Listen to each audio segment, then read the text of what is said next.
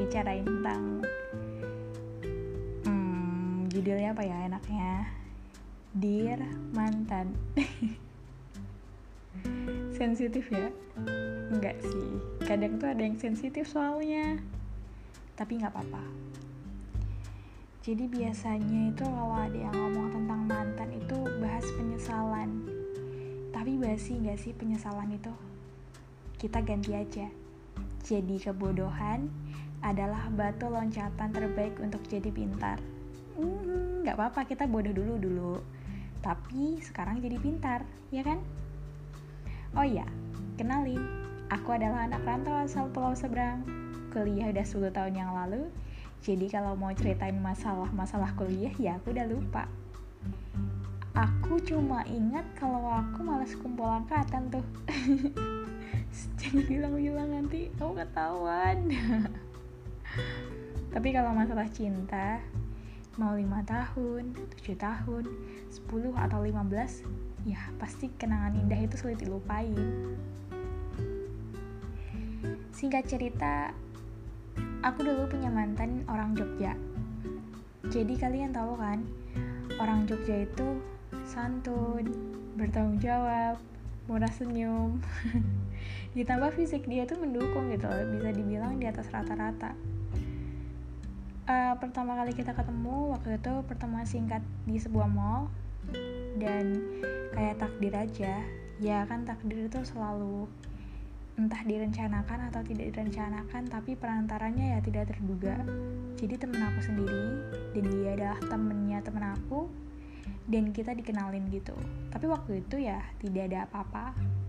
Tapi setelah itu beberapa hari kemudian ada takdir kedua jadi aku terpaksa harus pergi ke Jogja dan pasti Jogja aku itu uh, bingung ya punya teman siapa lagi sih selain dia? Dan aku baru ingat eh aku punya teman gitu. Kan gitu gak sih kalau misalnya kayak alhamdulillah punya teman baru terus jadinya kalian mau pergi ke suatu tempat ya udah hubungin dia. Aku gitu. Dan di sana kita jalan-jalan bareng. Eh tapi aku ke sana nggak cuma berdua loh maksudnya aku ke sana itu ada temennya jadi bertiga. Tapi temen aku tuh malas jalan-jalan. Jadi ya kita spend time berdua aja jalan-jalan menghabiskan waktu di Malioboro. Nggak nggak nggak seromantis itu. Jadi dulu itu masih belum romantis gitu jadi masih kayak berteman aja. Tapi lama-lama makin deket. Ya aku terkesima sih karena ya gimana ya uh, orang yang deketin aku itu orang yang baik gitu. Jadinya terus aku awalnya tuh cuek karena aku mikir ya apa sih? Buat apa sih pacaran pacaran lagi gitu? Karena aku waktu itu habis mas masih inget masa-masa putus dulu loh zaman kuliah. Uh, setelah itu ada takdir ketiga. Kalian percaya nggak sih kalau takdir itu kadang kayak kalau dipikir-pikir aneh ya dia tuh kayak selalu nganterin aku dan apa pun tuh ngelakuin yang terbaik gitu loh buat aku. Jadi kayak apa yang aku mau lakuin dia selalu ada. Jadilah kita jadian. Itu takdir ketiganya maksudnya dia selalu menemani di mana aku membutuhkan seseorang. Dan itu selalu ada dia. Dan takdir keempatnya aku mempertemukan jawaban yang sangat amat membuat aku terkesima lagi gitu aku datang ke keluarga mereka dan ternyata sambutannya sangat amat hangat. Kayak keluarga mereka itu uh, bisa dibilang bukan keluarga kecil. Jadi ini adalah pertemuan keluarga besar dan aku bukan dianggap seperti orang asing. Aku nggak nanya deh emang semua orang di pulau Jawa gitu ya? Maksudnya kan aku dari pulau seberang nih kalau kita tuh kayak sedikit susah gitu ya tricky gitu. Kalau misalnya ada orang baru apalagi nggak sesuku biasanya kayak ih bukan bukan aku nggak mau dibilang rasis. Cuman kayak biasanya tuh agak-agak beda pembawaannya. Ya nggak sih? Gitu nggak sih? Ya udah deh kalau salah maaf. Cuman aku akuin orang-orang di Pulau Jawa sangat amat hangat dan bikin nyaman nyambutnya itu aku nggak tahu sampai harus gimana mengucapkan rasa syukur karena waktu itu mereka sangat menyambut aku dengan amat baik. Dan treatment yang mereka berikan bikin aku itu melted gitu. Semua kebaikan perhatian ketegasan ditambah lagi kehangatan dari keluarganya. Semakin aku yakin kalau dia itu ya orang yang paling baik gitu di antara orang-orang yang pernah aku temui.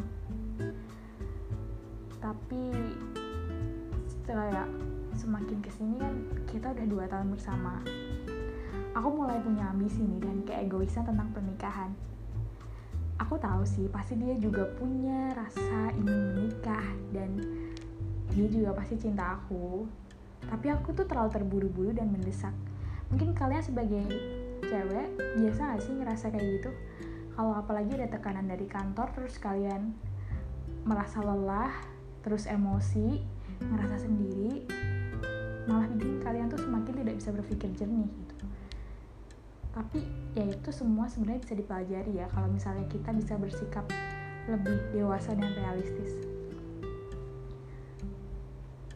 Kamu dan aku akhirnya semakin renggang. Jadi waktu itu hubungan kita semakin memanas dan kita tuh jadi gimana ya kayak yang biasanya tiap hari hampir chattingan itu nggak nggak ada kabar sama sekali. Terus berkali-kali marahan bisa diem-dieman. Ditambah tuh ada jarak di hubungan kita. Jadi itu bener-bener membuatku pengen menyudahinya saat itu. Kayak rasa gengsi aku tuh pasti ada sebagai wanita. Tapi aku percaya kamu juga punya batasan kesabaran dan kamu sudah terlalu banyak memberi aku ruang dan cara aku berpikir ulang itu biar lebih baik untuk memikirkan bagaimana resiko sebelum dan sudah menikah. Tapi mungkin aku belum berpikir sampai sana. Mungkin banyak orang yang gagal di sebuah uh, hubungan karena belum adanya kedewasaan di antara kita. Ya entah ya aku tidak menyebutkan waktu itu benar-benar pure aku itu salah aku juga mengakui kalau aku salah. Tapi kalau misalnya dia itu kalau dia sepenuhnya benar aku juga nggak tahu ya. Cuman ya mungkin dia juga benar.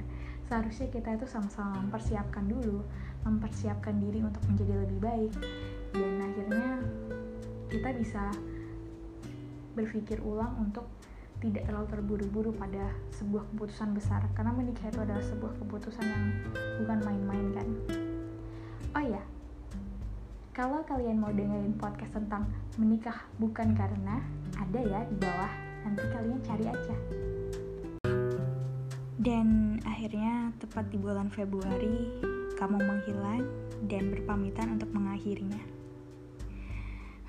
Pasti kalian sedih ya kalau jadi orang yang kayak aku gitu. Maksudnya benar-benar kehilangan harapan seseorang yang kalian itu udah di umur yang menurut aku udah bukan anak kecil yang kalau misalnya pacaran nggak untuk menikah gitu.